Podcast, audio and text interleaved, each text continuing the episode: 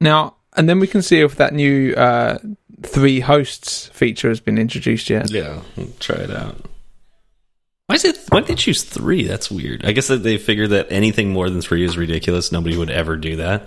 Yeah. Yeah. Who would Four have four hosts? Yeah. Yeah, I think anyone anyone who's going to have four hosts like on a podcast would very quickly in like the first two or three episodes agree that all four hosts aren't going to be on at every show Mm. yeah. and they'd come up with some sort of rotating schedule. Certainly escalated quickly.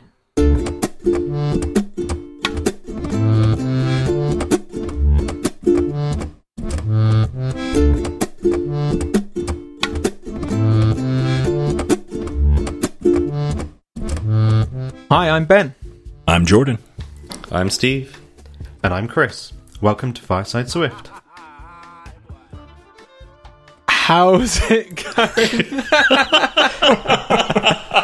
So we're 15 episodes in. I'm doing great, Ben. Thanks for asking. How's it going, Jordan? I think we'll just roll with it. I think that sound that was great. It was. Yeah, No, That's good. Perfect. I'm Just- answering just right now. I'm doing it. great. Just go with it. I uh what's what's going on in life? I I got away from the city for the first time in a while last weekend. I I escaped up to uh, up to Cloudcroft. Saw my uh, visited my mother. Saw her for the first time in like a year and a half. Uh, just Wow. yeah, I Nice. mentioned yeah, that. That's COVID cool. and everything. Like I just hadn't been there. Um, it was gorgeous. We stayed in a little Airbnb about halfway up the mountain in the forest. Um, Steve has been has been to Cloudcroft a few times. Steve, this was this was this was like July 30th through August 1st. That's about as midsummer as it gets. You want to guess what the mm-hmm. temperatures were while I was up there? Let's see here. We last two years we've gone in September, and it's been, you know, oh gosh, what forties in the evening, and then up to like the set, uh, maybe up to the seventies, but but probably mid sixties is real the reality. So I would guess that we're sh- let's shift that up like five degrees. So I'm going to say that gets down to fifty degrees Fahrenheit at night, and then up to a max of seventy. You are a lot closer than I thought you were going to be. I think the high the high while I was up there was I think the high was like 72 Yeah. and the low one night was it was 48 one night. 48 yeah yeah and it's crazy midsummer Midsummer, yeah. It- yeah Why do but we not it get- also doesn't feel that well at least you know the, the cabin that we would stay at like doesn't feel that cool there could be be just because of the way that that cabin is set up um Maybe. but uh yeah, Well, but I You would have keep to in mind- remind me, like what? Mm-hmm. Sorry, I was going to say I, I I'm trying to picture in my head the place you're talking about, but I can't, and I I feel like you should have sent some pictures along the way. I, I like, actually I took some pictures. I could I, I can send them over. Um yeah, I didn't take any pictures the Slack, in the town itself, but I took a couple pictures at the uh, the place we were staying at, and uh, of course, where we were staying is quite a bit lower than the village and, and my mother's house because I was staying at about elevation of seven thousand feet. The village is up at nine thousand, and my mother's house is a little higher than that. they don't know what feet are Oh yeah. yeah Wait, yeah, feet. Yeah, we use feet. anyway, yeah, it's very it's pretty far south in New Mexico, but it's at very high elevation, so that makes up for it. Right. Okay. So you wouldn't want to be doing too much exercise while you're there Oh, you wouldn't. with the. I'm fine. Well, fair enough. but it was it was good. It was a it was a much needed uh, vacation. I didn't even take a computer with me. Nice. yeah no And- that sounds wonderful yeah. actually Yeah, it was good. And I did. I took a Friday off of work to do it. Uh, like I said, didn't take a computer with me. And then when I got back to work on Monday, I had sixty some odd unread emails. oh yeah yeah So that always sucks. The first day at work after coming back from vacation. Eh, whatever, worth it. yeah Steve, how you doing, man? What what you been up to?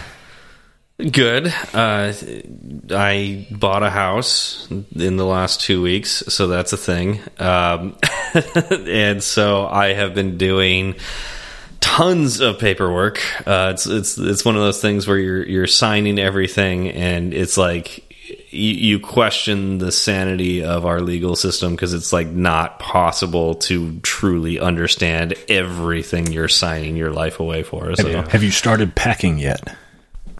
no, because I won't be moving in for another three months. Let me uh, know. based on the way. Let me know when you are going when you're going to start packing, so that I can plan on having something else to do during that time. You, w- wait, what? You want to pack with? Let me what- know when you're packing, so that I Oh. can make plans to do something else. Okay, good. I'll, I'll let you know. Yeah, that was unusual, like kindness. You were thinking he, he wants to help me move house. yeah, I was like, wow, you're gonna come out here. I am no. not. People I are love you, pointing but out in the chat though that we we might seem rude not congratulating you at this point, but you have to stay tuned to the after show to realise why. I know we talked about it in the to us. after show that we record before the show. Yeah, but every, everyone, everyone on the Twitter space is up is up to scratch, which is probably all of our listeners because we've actually got quite a few this time. Well, you know, actually, you know, it's funny because live feedback, Jason Mitchell must have not been around for the pre-show after show because uh, he can, he just congratulated me in the Slack channel, so uh, he must not have heard it. that's the litmus test right there. Uh, but yeah, so that's it. Just uh, dealing with a just a, a, a mild um, dose of stress that's just like continuous uh, for the last two weeks, and uh, I don't expect that to dissipate until closing. And at that point, I'll just go, "Oh my god, oh my god, what have I done?" um, and so you know that's that's what it's going to be until I move in, and then probably then I'll have to deal with homeownership, and I assume that at some point something's going to break, and again I'll be thinking, "Oh my god, oh my god, what have I done?" um, but then I'm going to like fix something or install something that I couldn't do in an apartment, and I'll feel happy again. So that's that's kind of how I'm thinking. It'll be the most mundane thing as well. Like I remember Mm-hmm. the first house that I bought. Um, I think within the first month we had to replace our guttering. And when you Mm. spend uh, about a grand on guttering, it's not really. it's, it's the most depressing thing Oh, God. ever. I, Yeah. I I think I remember when I bought my house. I had I had two of those moments pretty close back to back, a good one and a bad one. The good one was I decided I wanted to I wanted to screw some pretty hefty, you know, anchors into the wall to put a TV mount on the wall, and I I briefly had this thought was like, oh, I I need to see if it's okay if I do this. Oh, wait, I'm I'm the person I need to check with. So I approve Yeah, it. yeah. Um, but then I think it was just shortly after that the uh, our swamp cooler, which is how we cool our houses here in the desert. Our swamp cooler was not working right, and I, I might have even said out loud to my wife, I, I might have even said it said out loud, "I'll call the landlord and see if he can come out and fix it." And then I, I stopped and I froze and I said, "Oh no, wait, I am the landlord." oh no! so I bought a ladder. I've just sent, I've just sent a picture to the chat of what I had to ta- tackle a week or two ago. Where it, it, this is like three flights up above the people that live above us, and my next door neighbour was panicking that some like at the same time that they're walking by that this.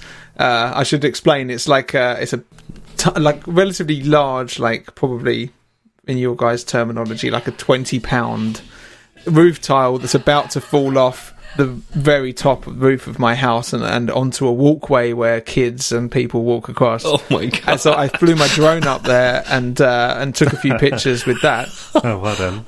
um, which was in itself tough because it was super windy and there were seagulls all around it. But um, but yeah, in the end, I, I got someone over luckily the next morning and uh, and he basically just told me flat out, "I'm charging you more money because I'm risking my life." I was like, "Fair enough." yeah, fair enough. I Yeah. can't argue with it. Up you go. And uh, yeah, it was that, like it was sorted within about twelve hours, but I don't know how long it's been like that. It was so precarious; it's hard to tell what we would have taken to fall off or how it even got like that. Oh, seriously? yeah, like oh, I, that doesn't. That looks too heavy for wind to push it like that. But yeah, maybe a large bird fight or something. I yeah, yeah. Something might have hit it, just smashed into it and hurt themselves. Yeah. That's crazy. Uh, so there is some solace here that, like, because it is a townhome and connected to other townhomes, uh, the structure, like the walls, are technically owned by the HOA, and that's where things get a little annoying. Where I do have to ask for permission for certain things, um, particularly things that connect to the outer walls. Um, so if I wanted to, you know, connect a light or something like that, that attach it to the outer wall, I'd have to get permission. Or if I want to put in a new window, I'd have to ask for permission. Right. Um, but things like if the roof goes bad you know all six owners of the townhomes pitch in to fix it it's not just one person having to pay for the whole roof so that's Nice. you know some ways good yeah and we pay dues for that so it's like it would just come out of the treasury um anyways uh so that's that's uh that's my life th these days uh chris how's life for you Um, it's been quite quiet. Um, I suppose the last couple of weeks. So I suppose main thing really is um, kids are now off school. It's summer holidays here in the UK, and it's the first year we've had to kind of like I suppose deal with that. So my my son he's um, first year at school, going into second year in September. So it's the first year we've had to kind of deal with summer holidays slash keeping him busy slash carry on working slash trying to organise our, our annual leave around looking after him and things. So it's been pretty um, quiet, but also um, yeah, looking keeping keeping keeping him occupied, I suppose. And coincidentally, um, the last kind of three or four days we've all been ill, um, which has been a bit of a nightmare. Again, probably because we've had the kids around a bit more. So little, little germ Yeah. bags we actually, my my wife, uh, bless her. So yesterday she was, um, I had her booked in for a spa day. She was going to have a, a nice spa day, child free, just relaxing all day, and she's felt awful since Friday, and so much so that yesterday we went for a COVID test. so instead of instead of a spa day, she was having a COVID test, but we, we both came back negative. It, it- I think it was just a bit a precaution, and again, especially with kids, because we have to send them places, we want to be sure that they've not got COVID, obviously. So, um, so yeah, that's uh, I suppose on a personal note, that's about it. Um, Swift wise, I I think I've mentioned a couple of times in the past that I've been meaning to update one of my apps um, because of the API version um, being depreciated. Um, so I started that about a week or so ago, and I've made some good headway actually. So um, it's just fetching the data using a different version of the API. Um, I also um, sent out a. I've got a mailing list of users who subscribe to kind of updates from the app, and then I've got. Um, I, I sent out an email for beta testers, so I've now got um, a handful, about twenty odd beta testers willing to beta test beta test it. So just need to get it pu- um, pushed out onto test flight in the next week or so. Probably do a few more tweaks in the next week or so, and then get it pushed out to test flight. So that's been really fun getting into that project again. Because not really looked at it much in the last kind of twelve months or so. And then the idea will be after that, once that's been done and dusted, hopefully won't take too much longer. Will be to kind of refocus my efforts back onto our Lord of the Rings um, rewrite, um, Ben. So Great. yeah, I'd imagine in like um, a couple of weeks' time, I'll be moving back onto that. So Cool. I'm looking forward to that. Yeah, no, I'm looking forward to picking that back up as well. Um, definitely, especially because I contacted the hiring manager of the job that I'll be getting in uh, October, and he's given me some advice on things to kind of prepare for. So, you know, Ben and I had a chat about that, and I think it's some things we can think about when we're looking at this app. Um, so, so yeah, so yeah, really looking forward to getting going um, with that again. Ben, how are you doing? Um, yeah, uh, good. From last last time I was on the show, uh, my wife was uh, struggling. I think we were in the middle of of like a two week isolation because she had COVID. So that wasn't too fun. Um, but she was just getting better and better every day for the over the course of a couple of weeks. And um, last so we're recording on Sunday now, and last Saturday was the day, our first day that we rele- we were released. Um, in the morning of Saturday, I went to go and get my COVID jab. We, we, we were both booked in to have it pretty much together, and it's just and because uh, she caught it, she has to wait another few weeks. So now she's going to be getting it later in the month. Um, but yeah, I had it on on the Saturday, and I felt great that whole day. And then I woke up at two o'clock in the morning just with a savage fever, and there's that moment of realization. And I was sleeping in my living room because uh, because I was keeping my distance still from Sally at that point, and and I just start and yeah, and the and the kind of fever hits, and the, kind of dizziness, and I was completely. I just stayed on the sofa bed, and we just had the Olympics on, and that was me out for the entirety of Sunday. So I was I was pleased that um, that I could get the second jab, and and that Sally was feeling good enough that day to kind of cook and do the things that I've been doing for the last couple of weeks. But yeah, it was. Um, I thought I'd got away with it. I really did. I don't, I don't know how you guys have got on if you've been double jabbed, but it was rough getting Oh. my second Pfizer. the the I also had the Pfizer, and the the first vaccine was was nothing. The se- the second shot hit mm. me like a truck. Oh, Yeah, mm. the, the the first shot, I was surprised how bad my arm hurt. Like that Yes, was the one too. thing. Like I was just like I, I heard people talking, and I was like, oh, okay, a little sore arm, like Yeah, yeah. whatever.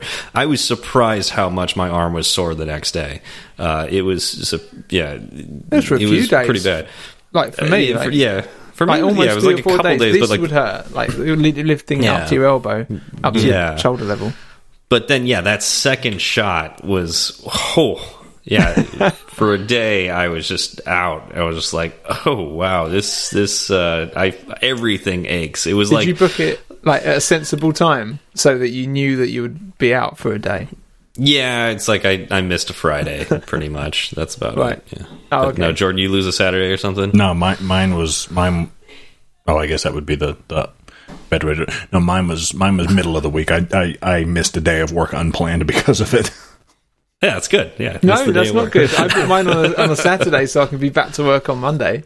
I'm a, I'm a good boy, and I don't get paid ah. days off. So Guys, I'm going to miss work because of the COVID shot. I was the first one to get my second one too. They were like, "Oh, it's it's not that bad. What if you come in anyway?" I said, "I will throw up on all of you." See, what's strange Yeah, is I- I, I felt absolutely fine after both of them, but I, I was talked to Bandy the other day because obviously we were talking about COVID, and I, I wonder what there must be some sort of correlation. Or well, I say there must be. I wonder if there's any correlation between how you react to the jab and how badly you catch it. If you do catch it, it must be. Yeah, there must be some research research going on in regards to that. Well, I also had uh, un- under my arm, like my a lymph node had just expanded like a golf ball, and I could barely lift my arm because of that as well. Ooh, So I was just in tons of pain, like like like deodorant or anything was just like no, that's just agony. so um, yeah, that was weird as well. I didn't. Apparently, that happens to like sixteen percent of people.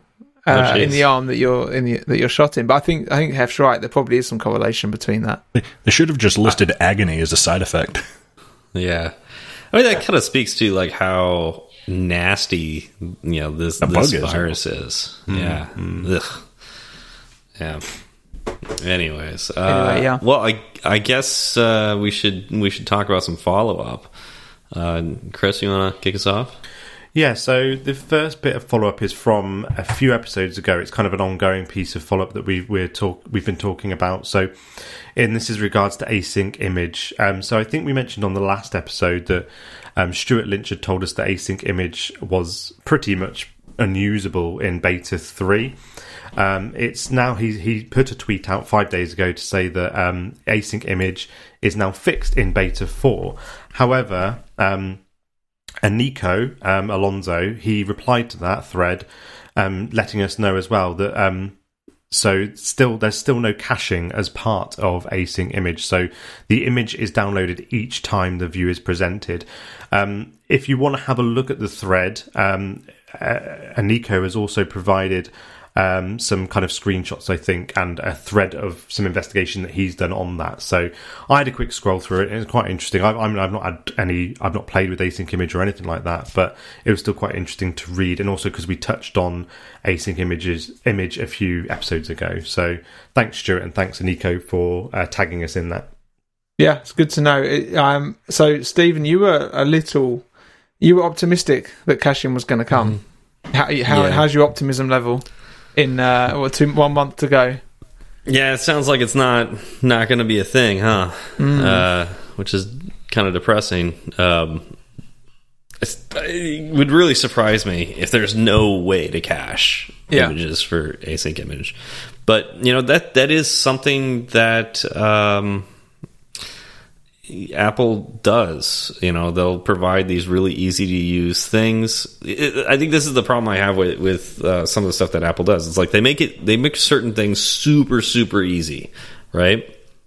and they're like, if you follow the Apple way, this is going to be upgraded with every iOS version.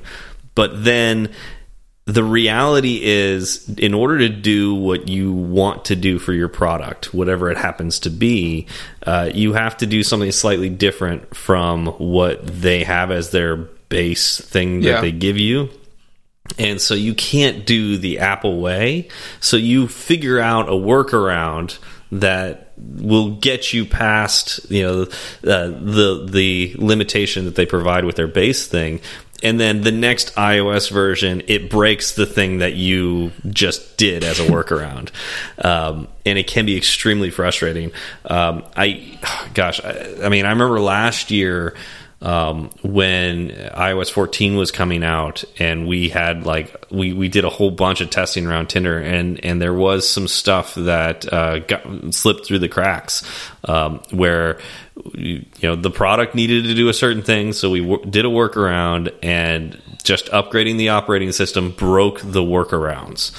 And we had to figure that out and scramble to get an update out. And uh, Just- that's kind of frustrating. And I, I don't know if there's a true solution to that, if, if Apple's to blame, but you know, it'd be nice if they thought about these kind of things. And I, they probably do. Try to maybe, They, they try to. just slightly but, unsuccessfully. but I, I you They know, get a lot I think right. it- like, like this is the They do thing. get a like, lot right. like, ni- like ninety-five percent plus is probably everything goes smoothly, and Mm-hmm. then every now and again, and we always get tripped up, to, and we focus on the things that they that have gone wrong because those are the only things Mm-hmm. we notice. Is that the whole? Uh, like I, I always look back at the how they updated to uh, APFS um, for Mm-hmm. all of the devices without on, on every single device. Yeah, no, it just we- a point. Nobody update. noticed it. Yeah, it just happened. yeah, I just that's stunning, and the fact that they did the whole thing of reinstalling the app, like they they did it, then they removed it, and then they gave you your old operating system back, basically, or like a different point release, so just so they knew that it had worked. It was they they do a lot right. What's APFS? The uh, file system, ding. Okay. Um, For those uh, uh, ATP fans out there, uh, that's where the ding comes in. yeah, yeah, Uh, when they announced it, somebody actually had a bell in the audience, like a physical bell, and rang a bell during when they said APFS for the first time. that was incredible. That was incredible. Yeah. Speaking of doing things right, that was right. Uh, so yeah, it, I agree. It's sometimes Apple does something that that some things that are truly amazing that like you know they can only do because of the control they have on the operating system and the hardware and you know everything. But then there's like some things that just make me scratch my head. Like okay, so. Swift UI has been a thing for roughly three years now, right? Like everybody should be using Swift UI. It's three years this has been out. This should be the thing that we use for all of our uh, our software development, right? Yeah. Except we can't move to it on Tinder because there's no backwards capa cap capability in iOS. Like, why why Yeah. doesn't that exist in iOS? And yet Android. So this is this is the argument with Android and iOS, right? Like iOS, oh, everybody updates to the latest operating system right away, so you can you can easily you know only support the latest operating system, except in a bigger company you can't do that so effectively uh, you have to wait you know three years and for our case four years because the first version of swift ui is you know nigh unusable. It just doesn't have the stuff you need. So you really need a way to be able to support ios 14 um, in order to do swift ui in your code. And so at a large company, we got to wait three years before we can use something. Uh, in Android, when they release a new thing, they make it backwards compatible for at least the, the last three to five versions of Android. So you get to use it right away, Yeah. even though your users don't update to the latest operating system. yeah, It's like, I, it's what's a user better? story, isn't it? Like uh, the, Yeah. the the proposition is as as a user, you will keep getting the latest features, but as a developer, you know, f you. Yeah, yeah, yeah. I guess the negative on the Android side is like, okay, so you might have users that are using, you know, ancient operating systems because they don't get the latest updates. Um, but you could at least use the latest tools you Yeah. know, to develop your app and know that your users will get those, even if it won't work quite the same on every single one of them. Oh well, you'll, you'll get to use it in three years, four years, or so. Yeah, yeah. I, we we started talking about it at work, like for Swift UI. We as soon as we drop support for iOS 13, we're going to start actively adding uh, Swift UI to the code base. But Yeah. you know, it's we've we've got a ways to go still. Yeah, long way. You guys support what? N minus one? uh, and minus two. T- minus two. Okay. Yeah, just because huge user base. Yeah. So, uh, yeah. Anyways, uh, next we also heard uh, from Stewart Lynch. So you know he's a popular guy. I wonder why. Uh, he mentions uh, with Bakery you can also use your own images for the icons. What what is he talking about here? So the bakery was one of the tools that I talked about on the last episode. It's um, predominantly used for app uh, app store icons, and that's what I think I mentioned on the um, the show. Um, I think the version I had was so so. The developer is a guy called Jordi, and he's pushing out updates every. It feels like every day, and so I think when I spoke about it, I'd missed that you can also add your own images for the icons. Of I think I mentioned you could use some stock images that he'd prevent, pre- presented through uh, using SF symbols and also emojis. But what Stewart's saying here is you can also add your own images for the icons as well. Um, so yeah, and I, and I, I have seen recently that I think Jordi's added some even some more features as well um, in regards to screenshots for your App Store uh, screenshots and things as well. So yeah, I think I replied to the thread and just said yeah, I think Jordi's pushing out more uh, versions than I can keep up with. But yeah, thank you Stuart for for mentioning that as well. And we got some real time follow up in the, the Slack channel as well, and this is in regards to uh, you know, uh, versions of iOS and people on them. Um, Joe Cab uh, gave us a link. I, I haven't looked at the link yet, but uh, he's like over ninety percent of, of users are on iOS fourteen.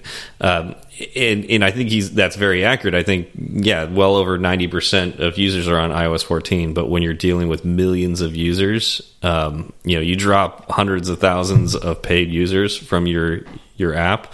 That that's a dent in your income. So you large companies can't necessarily do that. Uh, and then also real time follow up, and this isn't super real time. I uh, just want to give a shout out to uh, Marlon, who is uh, in the Slack uh, Slack channel right now, and also uh, listening to us on Spaces. he did mention that he was in the Lambda School program, and that he mentioned that I helped him out with some core data issues back in the day you know, uh, just want to give a shout out to uh, Lambda School as well. Uh, it's a great program. They don't have an iOS program right now, um, hmm. but uh, they it is still a great program if you're into data science or, or web development. No. Cool. Just want to throw that out because he mentioned that earlier, and uh, I thought that was cool. I didn't say anything about it back then, so say it now. Say it now and follow up. All right. Yeah.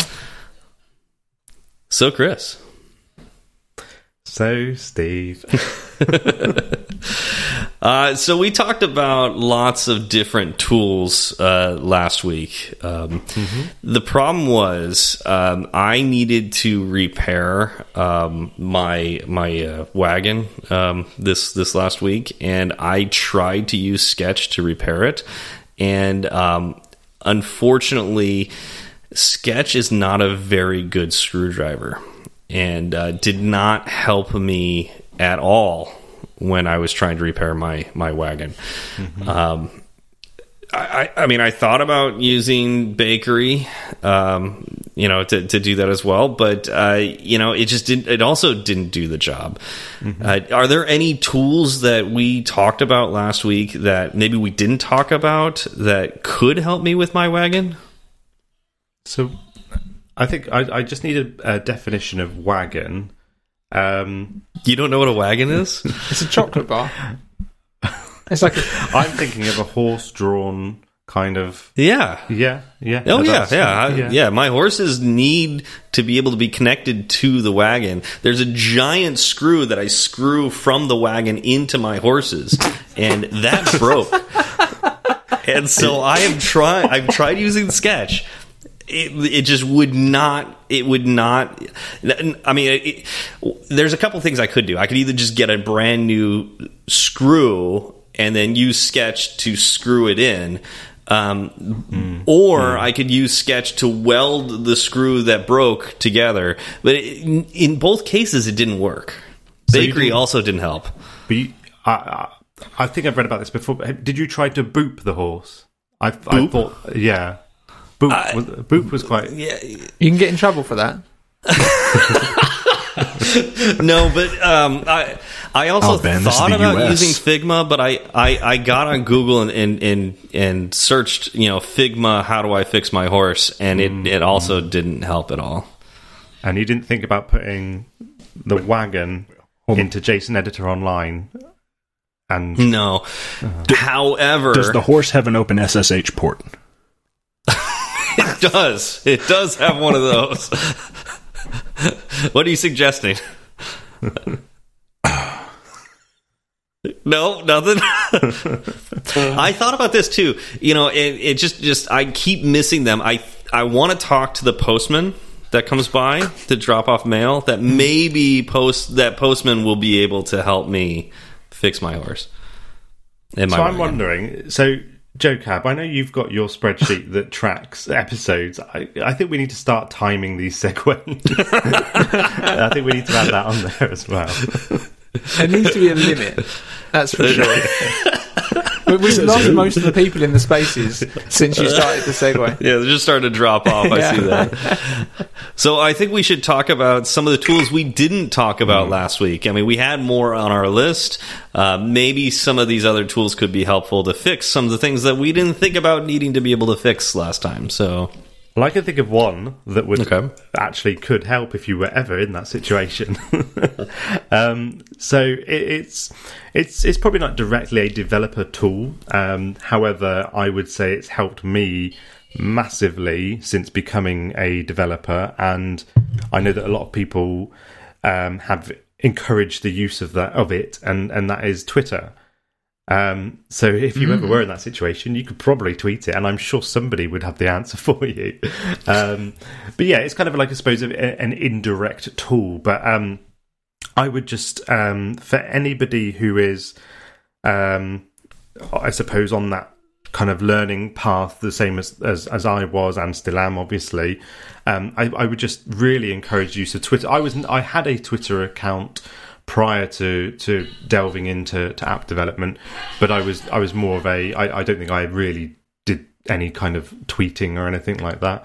Um, but I really started to use it a lot more um, when I started getting involved with with iOS, and I think it's just I, I've talked about this before, but the I know that that Twitter has a it can have quite a a negative negative kind of um, you know there's a lot of negativity around Twitter. Sometimes there's a lot of uh, you know uh, trolls and things that are on on there and things. But I personally, with the so I, I pretty much only follow other iOS devs. There's a few other things I follow, you know, some bands and things like that. But yeah, pretty much predominantly just iOS devs. And I've never once had any kind of negativity thrown at me for for anything in, in, terms of Twitter. So I would I, I would say it's definitely a really valuable tool to do a number of different things, and that's firstly to communicate to other devs. So, for example, um, you know, before joining Twitter, there's nobody in my direct kind of friendship group or um, anybody that I knew that was interested in in app development and specifically Swift. So having that kind of outlet is something that's really beneficial.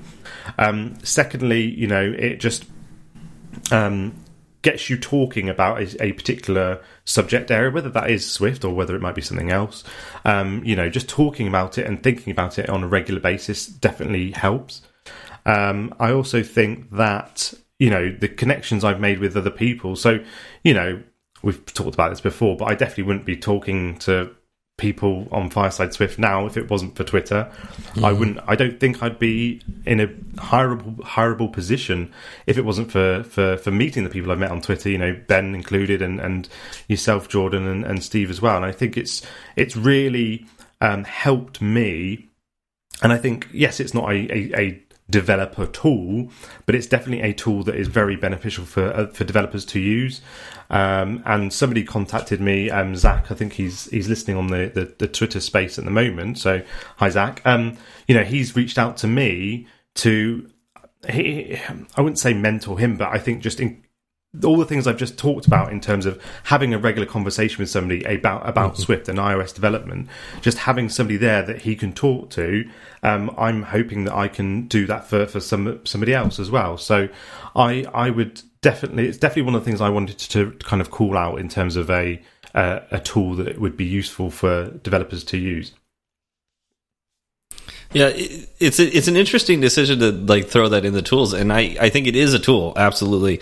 Um, and like most tools, they can be dangerous if used wrong, um, and uh, or or yeah, mishandled in in some way. Uh, Twitter can rear up and be dangerous, um, as we've heard from many many people.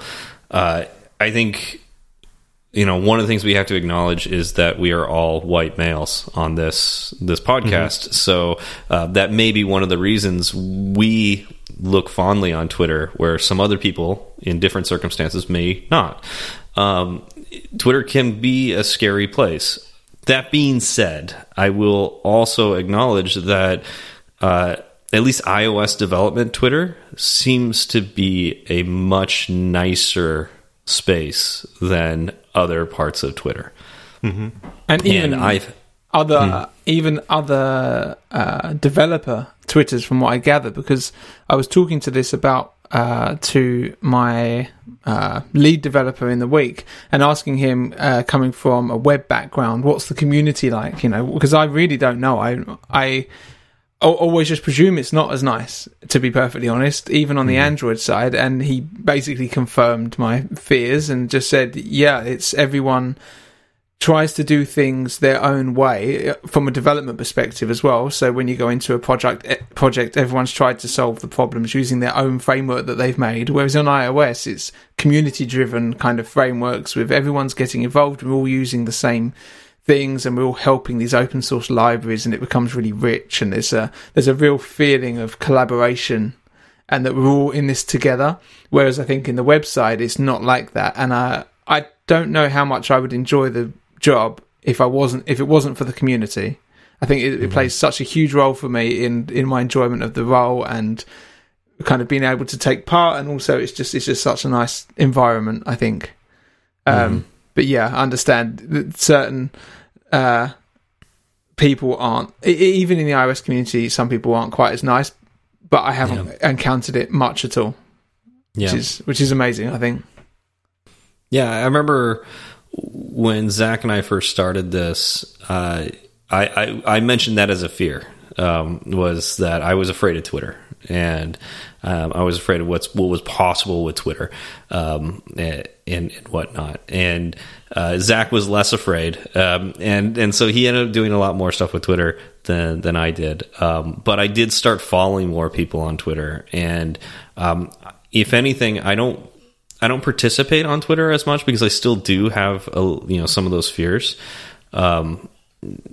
You know maybe I, I could participate more but I, I do I have those fears about Twitter uh, just because it is a, a double edged sword. Hmm. um, but on the other hand I do consume Twitter as a, a, means of hearing about the community hearing about uh, disenfranchised groups um, hearing about you know news and, and whatnot.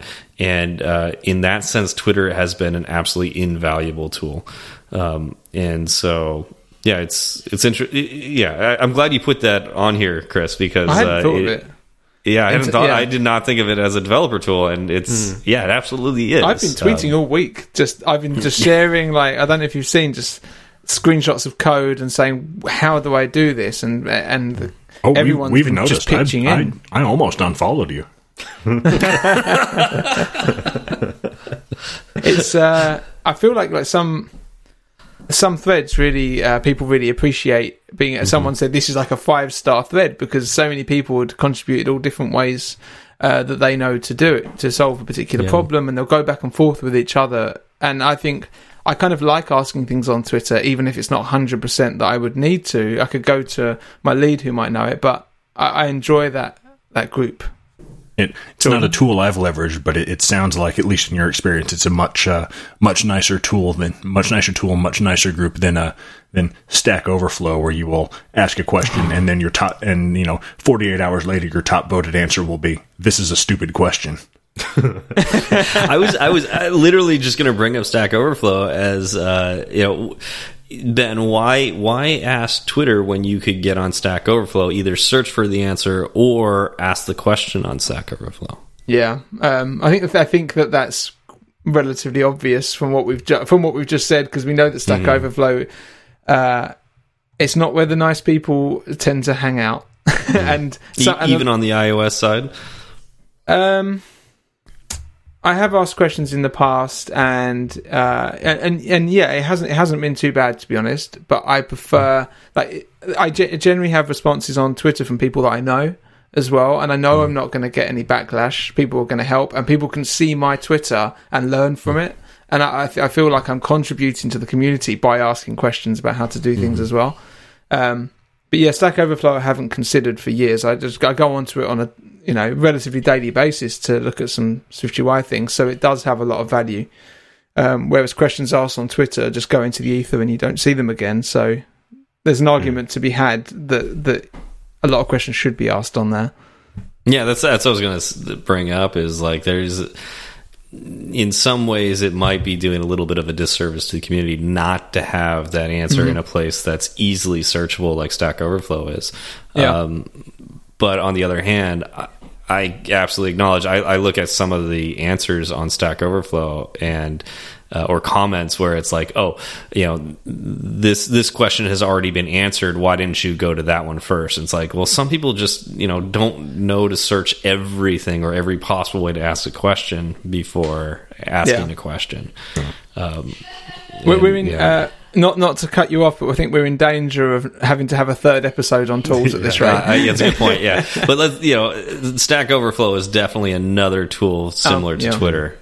Yeah, uh, Ben, what- do you have another uh, tool that you can talk to us about? Uh, okay, so let's uh, tackle one of the big ones. I think for me, there's two big uh, groups of tools to talk about. One would be Git, and the other one, which I'd like to talk about first, is and I don't even know what the class is called of apps, but Charles and Proxyman Hmm. or Proxyman. Um, okay, which one? Do you, which one do you want to bring up first?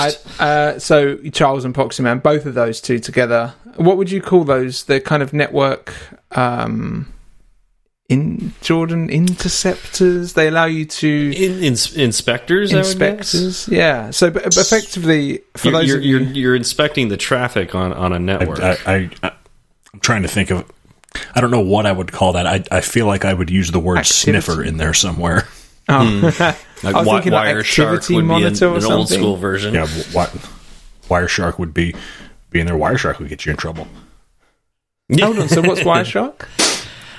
I mean, it's similar to Charles and and you know It's some a of those it's others. a n- network mapping and analytics tool that can it can do a lot of things that, if done in the wrong environment, will get you in trouble. But I, I think is Wireshark on Mac. I think that might just be a Windows only thing. Um, That's an excellent question. I've only ever used it from a Windows machine. yeah, it might be a Ah. Windows Yeah. tool. So it's like Charles for Windows. Um, but yeah, yeah, you you can see practically everything on a network, which means you can also manipulate that network. Yeah. It's a very it's a very popular hacker tool. right. Okay. but I would think I would think Charles would also be a popular hacker tool if you're hacking with a Mac because Yeah. you know the same thing. You want to you want to determine the health of a network or what's going on. You know what's the traffic on a network before you start doing something malicious. Yeah, not that we're to encouraging see- you to do that. Yeah, and you you can dive into responses and, and things if things aren't encrypted properly. I presume Mm-hmm. most websites. I don't know what causes a website to be able to be uh, like the, like the bodies to be accessible or not accessible using something like that? Is it to do with HTTPS or some sort of other encryption that all of a sudden think- it's scrambled? Whereas I HTTP, maybe you can just read it. Yeah, I, I think that is one of the major distinctions. Jordan, you yeah, probably that's kind of well. more. Just when you're when you're using when when you're using HTTPS, it's just that the the all the packets they are encrypted while in transit. So something like in like. Charles or Wireshark that's that's listening to network traffic can't read what's going by. yeah, Right. Okay. Yeah, it's, it's Yeah, so- encrypted in transit, but not while at rest. Not while it rests. Yeah, there's encryption in transit and encrypted while at rest. Data sitting in a I'm not familiar database. with the use of that word in that Yeah, in so that like term. data sitting in a database that's been encrypted before it was stored away is encrypted while at rest. HTTPS, when you're viewing it in your browser, obvious it's at rest there. Obviously, it's not encrypted anymore because it's been decoded. But since it is HTTPS, the packets going back and forth are encrypted while they're moving from point to point. Hmm. So it's encrypted while in transit, but not while at rest. Wow. So- So, nice. so theoretically, of- if someone had access to your computer and could see what you were doing or could get real time data off your computer, they'd be able to see that HTTPS data unencrypted. But if they're just sniffing at the network traffic going by, they're not going to get it, or they're going to get it not, not you know not be able to read it. And so like the encrypted at rest too, it's like think about all those like data dumps where like um you know hackers get access to a database and have all these usernames and passwords, you know, and they just dump it off. That's because the company did not encrypt at rest and somehow the hacker got in and was able to download the entire database and because it was not encrypted, they have all of the data.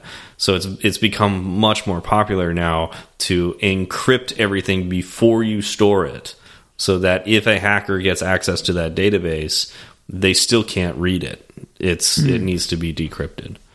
Interesting. So, so just to be clear, then, so if uh, network requests coming from my computer, um, kind of eight ones, if I'm requesting an HTTPS site, the the likelihood is I won't be able to get any valuable information from Proxyman or Charles because You'll get Well, there's- there's- you'll get like Yes there'll be no, some because I mean of it. parts of Some it parts can't be like when you're making a request for a website obviously parts that have to be unencrypted or else all the nodes between you and the web server don't know where to send it um Yeah. so like you, you can see what website you're asking for and stuff but if you're Yeah. sending more meaningful data like you're sending text across you're sending a username and a password across stuff like the the body of the message is all encrypted Right. typically Okay. like the, the headers and stuff are not I think I'm familiar with going into the response and just seeing just jargon and, and symbols that I don't recognize and things like that, and knowing that I've got to figure out what I've done wrong.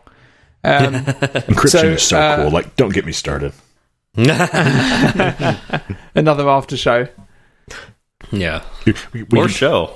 or show. I mean, we, Yeah, we could do yeah. a whole epi- We could do a whole I'd like- episode. I mean, it's not Swift specific. We could do a whole episode on like the Diffie Hellman key exchange. Seriously, That'd be cool. Well, I'm I'd already looking forward to hearing this back because it's it's all new to me, and just hearing you talk about it there, it's just really interesting. So I would Yeah. definitely be up for hearing more about it.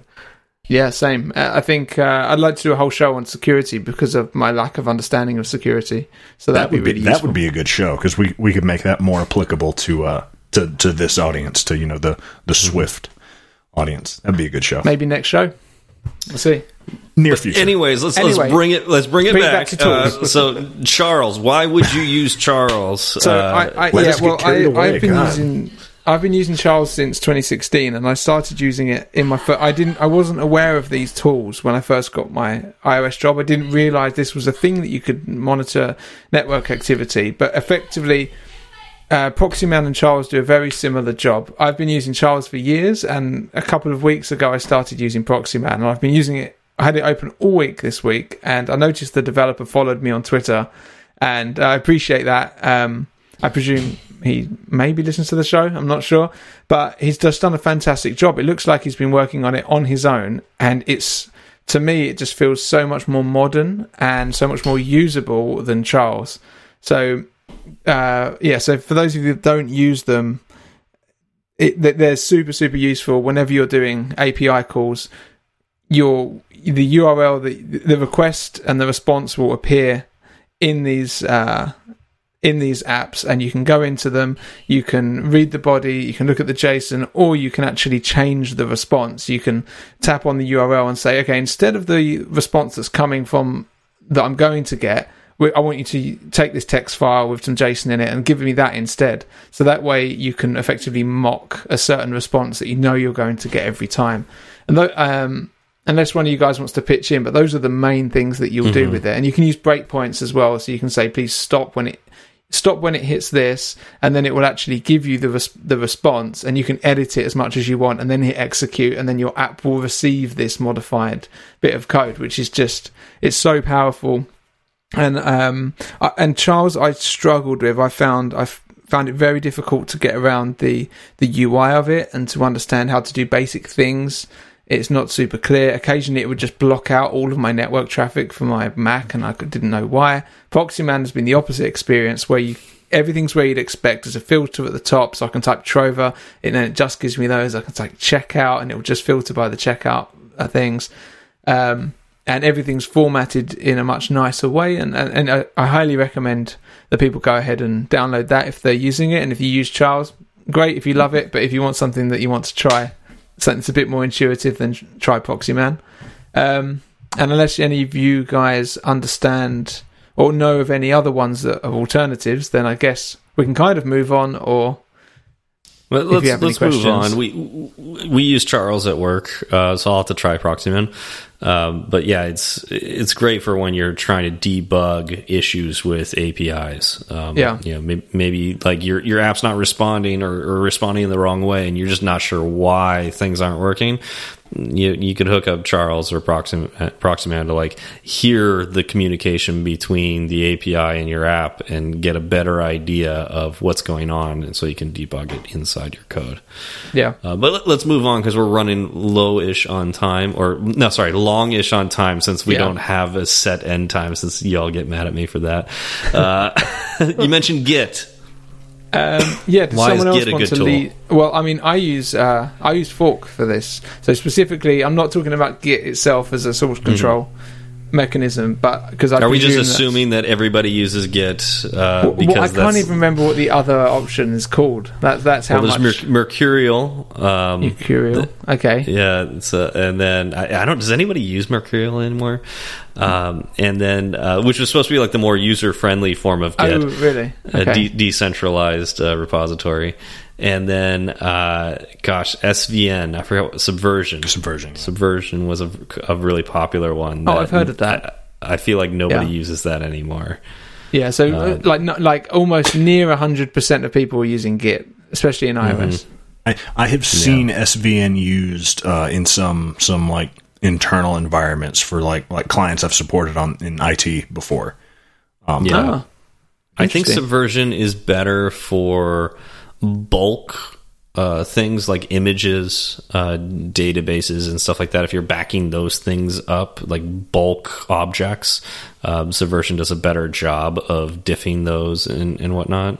Or maybe not necessarily diffing it, but it's like less of a memory footprint when you're saving the whole repository. Mm. Whereas Git, just like anytime like the signature changes for a bulk object, it just saves a like the the entire object again. Mm. So it can be like pretty significant memory wise if you try to save that stuff in Git. Ah, interesting. So um, think think about like like uh, Sketch or something like that, where it's like Git doesn't know how to break that down. It's it's just binary information, and so if you're trying to save Sketch files in Git, anytime you make a change to Sketch, and I, I could be wrong on this, maybe Sketch is a little better, but I think it's binary, uh, just binary data, and um, Git won't save the diff between the two files because it's binary data. It'll just save the first save version of your git file your, your sketch file and then it'll save it again. Ooh. and you can imagine how yeah. much data that could end up being after a while. Wow. Um, yeah so we're not talking about git. Um, uh, okay so for a question for each of you then uh, gui or command line? Hef? Uh, gui. Jordan? I started on GUI using a GUI I really like called SourceForge that Stephen pointed that Stephen pointed Source out to me. Forge or Source, source Tree? Source, source tree. Source Tree. Sorry. Source Tree. Ah. SourceForge. There is, is a Forge. There is different. a Forge. Yeah. SourceForge is like a FTP thing. Uh, using Yeah. Source Tree, I started using that, but now I'm a command line user. Okay. Uh, and Steve? A bit of hybrid. Um, I generally prefer a GUI, and I will use Git Tower Oh, yeah. or uh, uh, Source Tree if there's something that uh, you know Source Tree does better. Uh, but generally, it's Git Tower. Uh, and then for things like uh, force pushing, some merging things, uh, pull re- uh, not pull requests. Um, no, there's a there's a few things I'll I'll do uh, through the terminal, but most of the time I'm on the GUI. I prefer. GUI. Okay. Now, I it's it's almost to me it seems like going back to the days of people uh, arguing about moving to a GUI for their operating system, and the people saying no, that's ridiculous. Why would you do it like this when you can do it in code? So, but however, when I go into an office, I need someone good at Git uh, terminal because it's go- I think it has more flexibility and there's more power behind there than there is in a GUI. They may not have thought of everything that you can possibly do.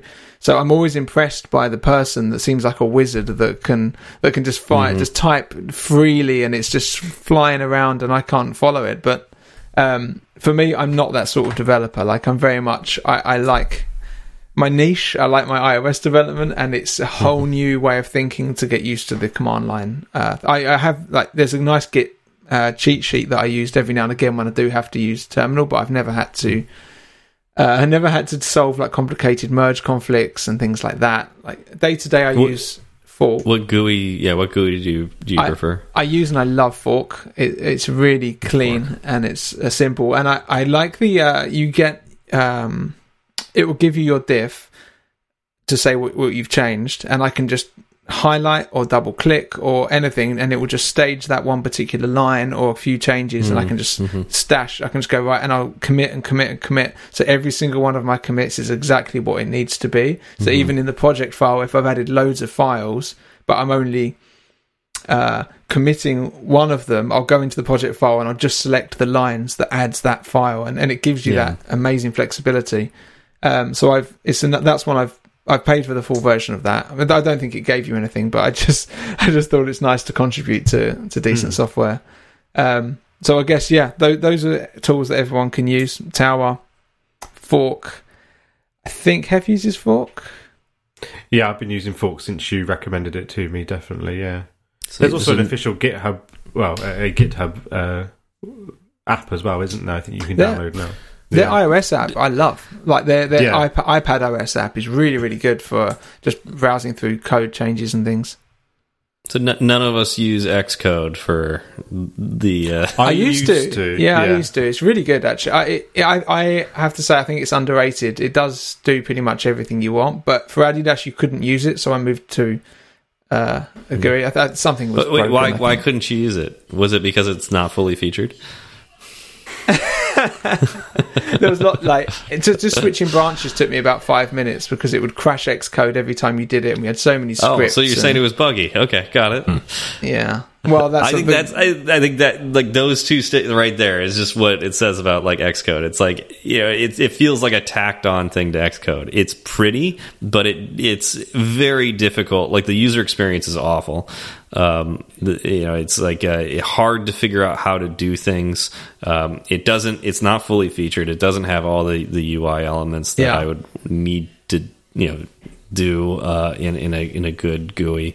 Um, there were some for good things about it. Like, the, the, it's not terrible. I mean, but our problem was that as soon as you change branches, you need to run the full like fast lane scripts again, and Yeah. it, and your workspace disappears. So as soon Yeah. as you change branch, it closes Xcode.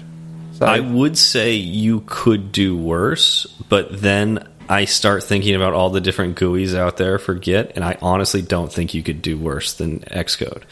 Um, because i- i- here's the thing, I, I really can't think of a, a worse GUI. Uh, you know, it's and Yeah, it's, I think you're right. It's not bad, but you couldn't, you really couldn't do worse. It's it's it's about the worst out there. I think what's Um, interesting as well is for most new developers, and myself included, it's your first introduction to using source control in some way, and it is massively off-putting. Yeah. Um, and I think I've seen in the Slack, Zach said that he's um, speaking of Git, reminds him that he needs to practice more with it. And I was in the exact same boat, um, and Ben's helped me massively with that. But um, yeah, I think when you first look at it, it's it's very confusing, and I think mm-hmm. yeah, it, that might be down to some of the um, shortcomings in in the functionality of it, maybe.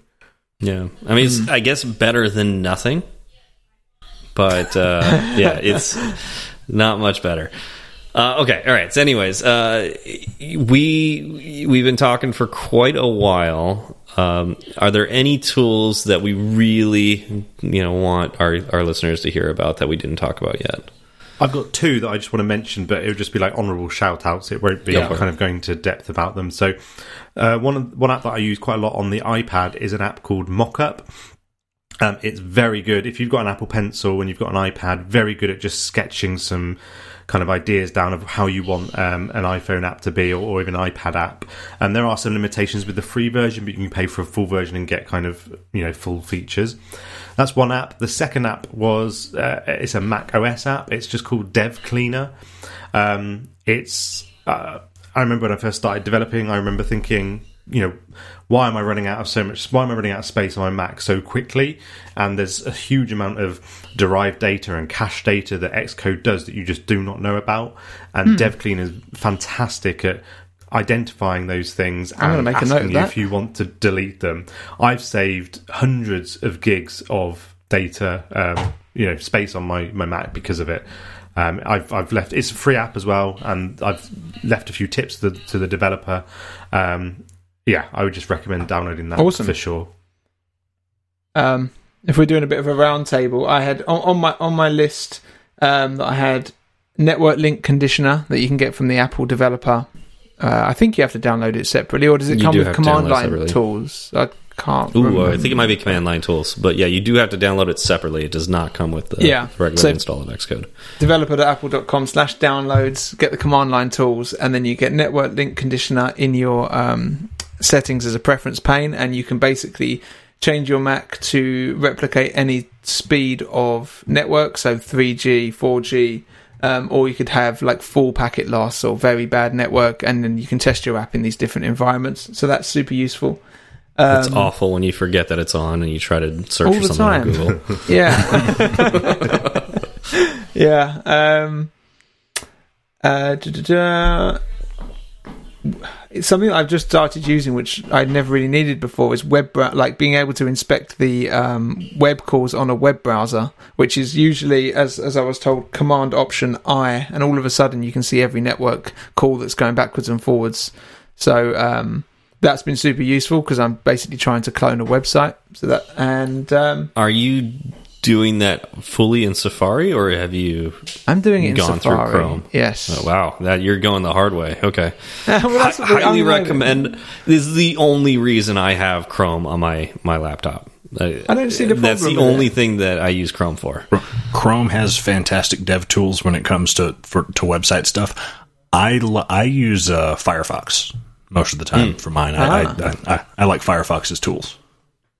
Yeah, but but Safari's tools are definitely lacking compared to those two other browsers. Ah, okay. Um, so. And and finally, uh, I started using um, I, uh, DevUtils. Is that what it's called? Is isn't it? We, we spoke about it last week. So Dev DevUtils for things like uh, comparisons and JSON formats and things, and it's fantastic. I, rec- I, I think I bought that as well. Um, and it's yeah, it is excellent, and I, I've had it open all week, so recommend that as well. Um, anyone else? Yeah, Jordan, do you have any? Um, since we're just real, real quickly firing off tools that we like here, um, I like as a as an alternative text editor. I mean, I still use Xcode for Swift stuff, but as an alternative text editor, I really like uh, VS Code. Um, that's oh, a Microsoft product, um, mm-hmm. but it it it has a very clean, slick uh, user interface and you, you, can get extensions for it for just about every language imaginable. So if you're looking for an alternative text editor to work work in, I highly recommend that one. Nice. Um, I also really like this would apply more. I thought of it earlier when we were having that uh, when we talked about Wireshark and said, "Oh, that might only be a Windows thing," and I don't know, called back to the, the the horse comment. If for some reason you need if for some reason you find yourself like in I mean you can get it from Mac too, but why? If you find yourself in a Windows environment and you need to open an SSH connection, get putty. Yeah, I remember using putty a Yeah, lot. putty putty is well. There's a reason it's been around for you know like 20 years or something. It's the best. Oh, Yeah. um, before I forget, do any of you guys have um, a tool that you use that makes merging uh, merge conflicts any easier? So I use source merge that just comes with Xcode, where you just get the really old school. You do Command D and it jumps to the to the merge conflict, and I'm finding that okay. But does anyone have anything better than that, or is that what So- you use? Um, I've had to deal with merge conflicts actually while I've been writing in like pulling from you know shared repos actually while writing in VS Code. And when you open up something with with a merge conflict in there, it'll it will do the the red and green highlighting down the uh, Yeah. down the bunch to show you you know differences and whatnot, and you can you can one click um, you know accept, reject, delete stuff. It's I mean you still have Is to that- scroll through it, but I don't know of a I don't know of a simpler way of doing it really. Did you say that was in VS Code? Yeah. Okay. Cool. So uh, I have. I mean, uh, what what is nice about Xcode having uh, some uh, you know tools for uh, you know repositories in you know connecting remote repositories is that you know on the left side of every line of code you can expand and see the difference Yeah. now and that's that's fantastic. I'm glad that xcode has that so it's very similar to vs code in that sense. Um, but i have found that with with merge conflicts that none of the guis do what i need it to do and so i have just gotten used to doing it by hand um, so I will open up the file. And I will look at the arrows no. going one way and the arrows going the other way. Figure I've- out which code I want. I've I've I've been there. I I, st- I started laughing because I, I I was about to interrupt you and say, Stephen, if you say Vim, I'm going to fly to California and hit you. no Vim. Uh, usually, I'll open it in Xcode. Like you know, Xcode's a, a decent uh, text editor. You know, and uh, usually when I'm I find my merge conflict in Git Tower or something like that, and I double click on the file, it'll just open up a separate separate window with uh, just that file in Xcode, and I, I will determine what I need from you know what what's right or what's wrong. Uh, I've just found in the last few years that none of the merge GUIs do what I need them to do. I, I think I think you should try if you haven't used the source merge that comes with it. I presume I presume that you would have used it at some point. It looks really old school, but I just Yeah. I just click uh, merge in editor and you do Command D to jump to the nearest one, and then you just select left, right, or both, and you can say left Yeah. first or right first, and, and, then none of those do. You, So, oftentimes, what I'm. yeah, there's oftentimes where the merge conflict is that what I need is both, but not together. Like not two lines. What I need to do is com combine it into one line. Uh, you know, and so like. y- It ends up being like I, you know, I, I found that like I those merge tools don't do what I need them to do, and there was a point in time um, where uh, the uh, what- what's whatever the diff the differ is on Mac that you know the file differ that isn't included in Mac, which is never open for some reason, and so like it just wouldn't it would crash or uh, crash uh, whatever merge tool I was using, and. Um, and so I just got used to doing it by hand, and honestly, I've I found that I have less mistakes when I'm doing merge, you know, taking care of merge conflicts if I do it by hand.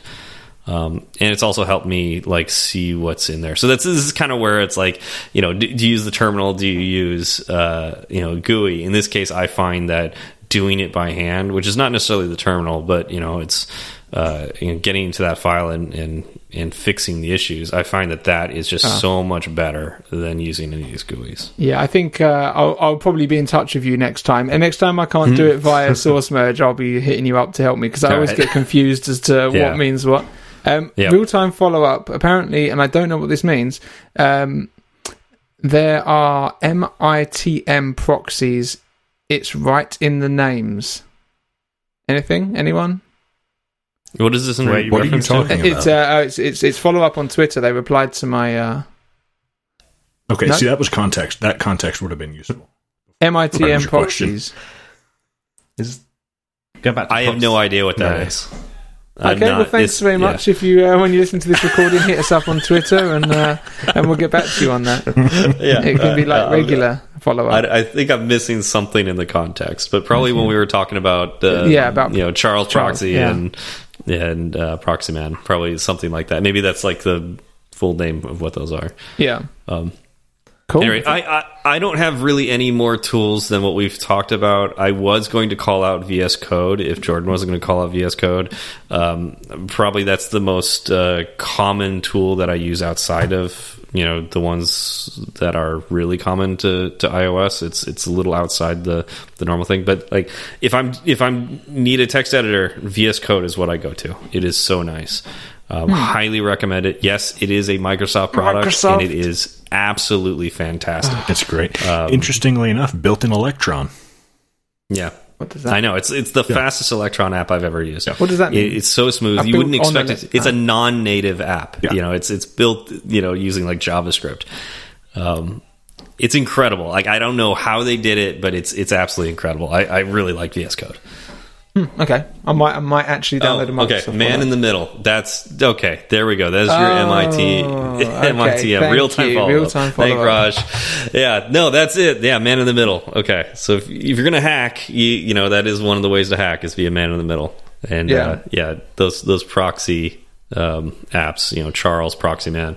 Uh, Oh. those that's how you can do a man in the middle attack. So Stewart Lynch, uh, go and delete your email that's uh, that's answering that. delete that text you just sent us about uh, correcting us. He did that this week. He he messaged us about what was it? Um, I can't remember. He basically corrected us, and then we were told later on. Oh, it was the difference between um, ch- what's your Ducky, wasn't it? Ducky and Smart Baby. Yeah, And he tweeted me saying, "Oh, by the way, it's home." And then you know, five It's minutes Ducky, later, Finished the episode. I just sent us an Yeah. ang- angry GIF saying, "Listen to the full episode." All right. Well, okay. So I think that's it for tools, right? Uh, yeah, I'm much. sure there are others that we use, but uh, I can't think of any right now. I, yeah, I. It's funny we talked about Twitter, but we didn't talk about Slack, which is like how we, you know, operate at work and everything. But Yeah. um, there's We don't- no probably one so to many be- tools we don't even think about. like sold on Slack. Yeah. Yeah, Yeah. yeah. Or Bluetooth keyboards. Or, or bullet, bullet That's an tooth. odd bullet. Yeah. Is this a brand of keyboard? Bluetooth. Oh, Bluetooth. I heard So- bullet tooth. Bullet as well. Way to ruin the joke. We'll have Thanks a for listening, with- everyone. With, with a bullet tooth keyboard. Uh, bullet tooth keyboard. All right. Uh, yeah, we have no shout outs. Uh, we have no shout outs this week. Yeah, leave us some Um, reviews. Let's do a play. Yeah. Yeah. I think. The last one was in Ju- yeah June first. We're we're feeling lonely, so if uh, if you Yeah. haven't left a review, please leave a review. Uh, I guess I should probably iterate this as uh, you know most people don't realize this. If there's a five star uh, rating for anything, if you don't give that person five stars, you're actually giving them a negative rating. Um, so if you don't think we're great, uh, you know, let us know and we can fix it potentially. Uh, and then, uh, but if you do think we're great, please give us a five star rating and uh, let us know what you think in the review notes and. Um, or not review notes. What's that called? Yeah, I guess it'd be review notes. Yeah, review and, and share share the podcast that you listen to with all of your friends in your Slack and all of your teammates. Just just just say, listen Yeah. to this; it's fantastic. Yeah, yeah. Especially Even if hate you don't like it. Yeah. Yeah. All right. Thanks for coming out, and we'll talk to you next time. Cheerio. Thanks for listening. See you later, everyone. It's such a good feeling to be back with you, cause second season was long overdue. Let me introduce you to the new Fireside Crew. Chris and Ben are the English blokes who correct your grammar and tell witty jokes. Jordan is the baritone. Steve's the one you already know. Zach left to spend time with the shorties. So raise a glass or tip your 40s, giving props for the last three years and for helping out so many peers. Now let's get down to business. Let the four of us your forgiveness for excruciating segue puns and mistakes that might confuse someone. Twitter's great if you heard us slip, or if you want to share a pro tip, at fireside underscore swift at fireside underscore swift. You can message the entire ensemble, or just one of us if you're more humble. We'll leave our handles in the show notes for you. And get back to you real soon. If your message is a little too long, there's firesideswift at gmail.com and firesideswift.com. Firesideswift.com. If you like the show, leave a review. If it's five stars, we'll mention you on the very next show we do in a fortnight or two.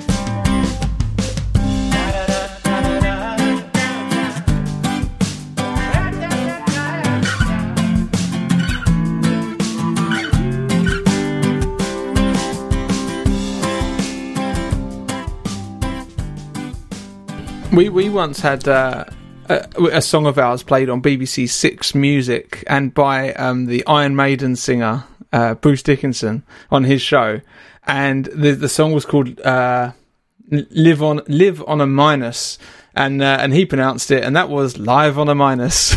Cool. I, I'd like to back up to the part where you said a song of ours. Whose?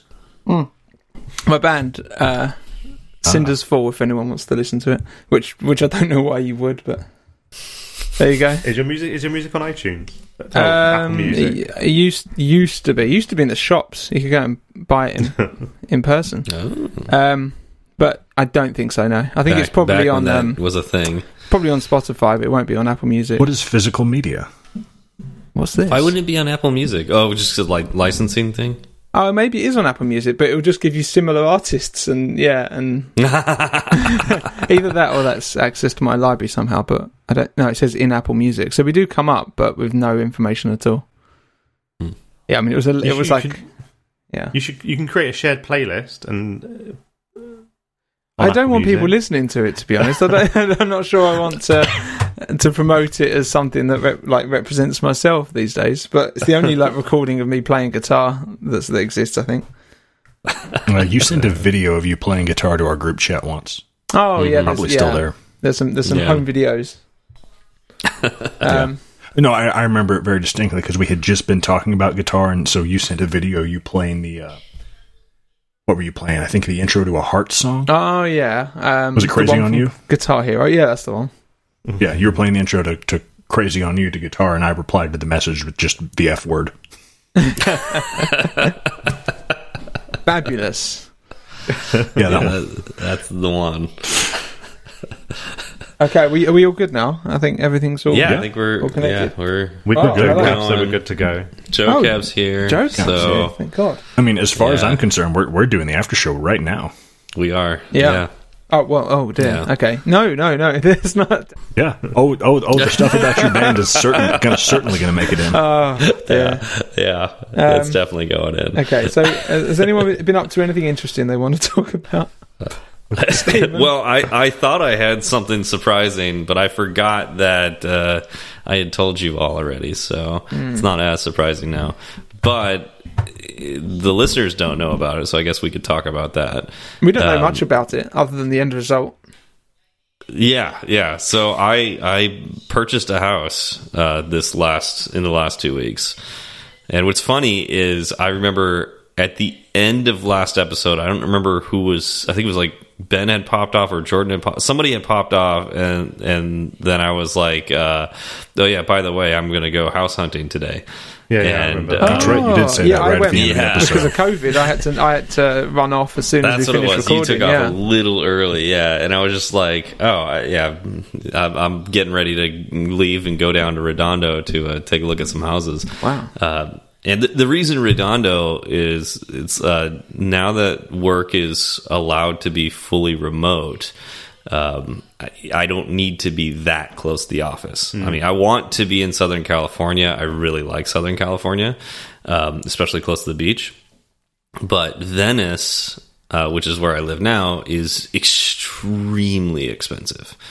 Um, and mainly that's because it's you know people work around here, uh, and so like and also it's it's a very hip area, um, so it's it's popular, and um, and so I looked at houses here, and I had kind of you know bef- before I met my girlfriend and and got to experience the Redondo Beach area, um, I was pretty much settled on I'm going to buy something in the Venice area, but it's just not going to be much. You know, it's like going to be like a, a, shack or something, and then uh, I'll I'll work my way up eventually, um, or, or buy like a condo, you know, closer close to the beach.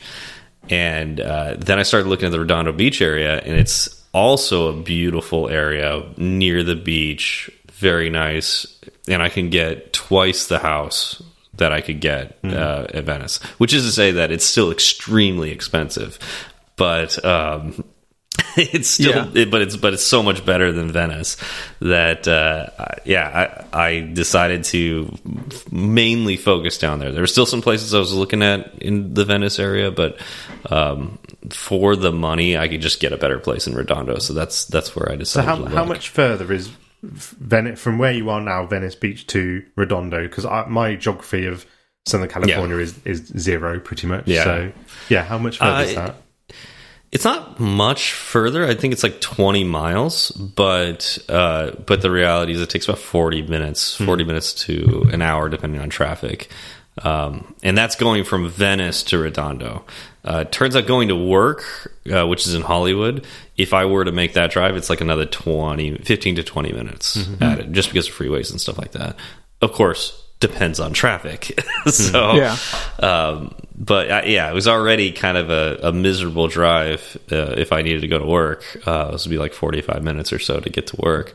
Um, and so I wasn't look, you know, fond of adding an additional you know 15 minutes to that each way uh, but since I don't really need to go to the office it's it's not that big of a deal do you think do you think so. you will still go every now and again like, what's your plans into the office uh, so I've requested to be full remote um, but the full remote policy they want teams to get together like once a quarter so mm -hmm you know, I'll probably go in that's not bad. Know, once a quarter. Yeah, it's not bad at all. It's going to be that's going to be strange if they have a, a, a, large amount of people working remotely and then a lot of empty desks. And then all of a sudden, it's like they won't have the capacity at some point to take in everyone that currently works there if they allow people to do this. And then they kind of reduce the desks that they don't need. It's going to get interesting. Like you'll just be meeting up somewhere external for a, a beer or something instead at some point. Exactly. Yeah, I, I think I think that's uh, that's essentially what's going to happen. And and one of my coworkers, Owen. Uh, he actually has started participating in the the soft open of the office. Um, so it's like we're we're kind of getting they're getting ready oh, for like yeah. the protocols and stuff, and uh, and they're they're practicing a little bit like the soft opening.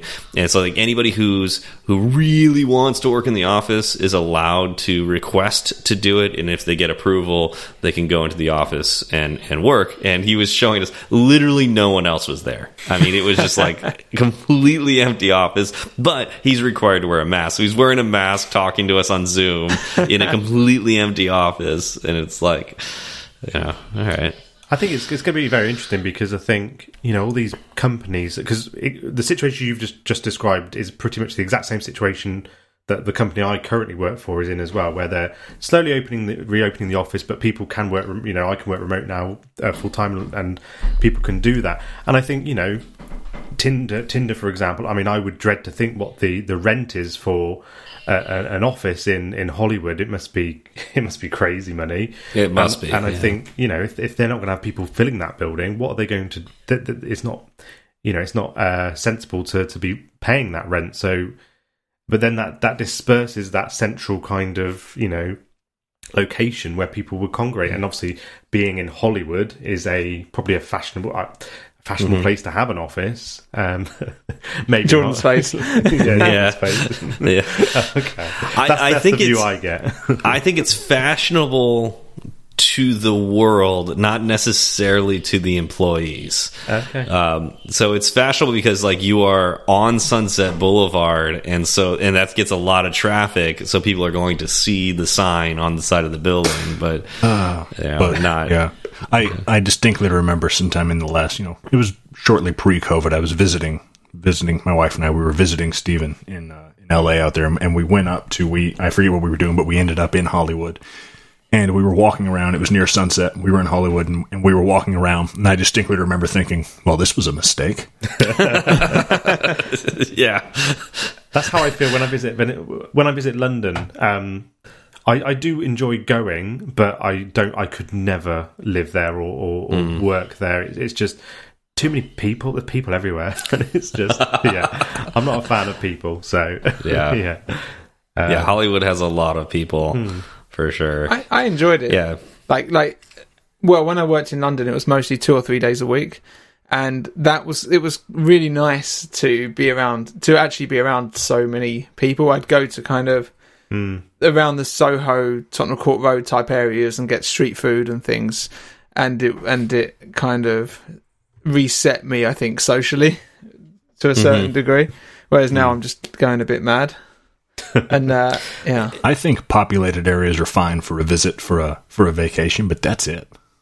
There's there's something kind of neat living in an area where people choose to vacation there. Um, you know, it's it's uh, like Ben was saying, like you, you know, like I can I can walk down to the the Venice boardwalk. I don't do it very often, but I I could, and you know, I can experience like what people travel you know thousands of miles to go see, or, or go down to the Santa Monica Pier and and you know just walk around there. And it's particularly fun when the tourists aren't really out. So it's like I've walked on the pier at like midnight, you know, when nobody's there, and it's just it's it. I don't know. It's it's kind of neat to to see the different side of uh, the touristy areas. wow Um, I think it's Another quite, thing is to, like- nice, isn't it? Because I think uh, where I live is a similar sort of place for for the UK at least. You know, people do come down south to, to visit the beaches and things, and when you hear that people have travelled so far to get here and Mm-hmm. it's pretty much on my doorstep, it does. It, it's you know a nice feeling to know that that's the area you've chosen to live in. So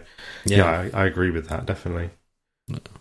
So it's a little a little different going down to Redondo. People do vacation in Redondo, uh, but it's more of a neighborhood um, environment. You know, it's it's like a a, a suburb by the beach, if you will.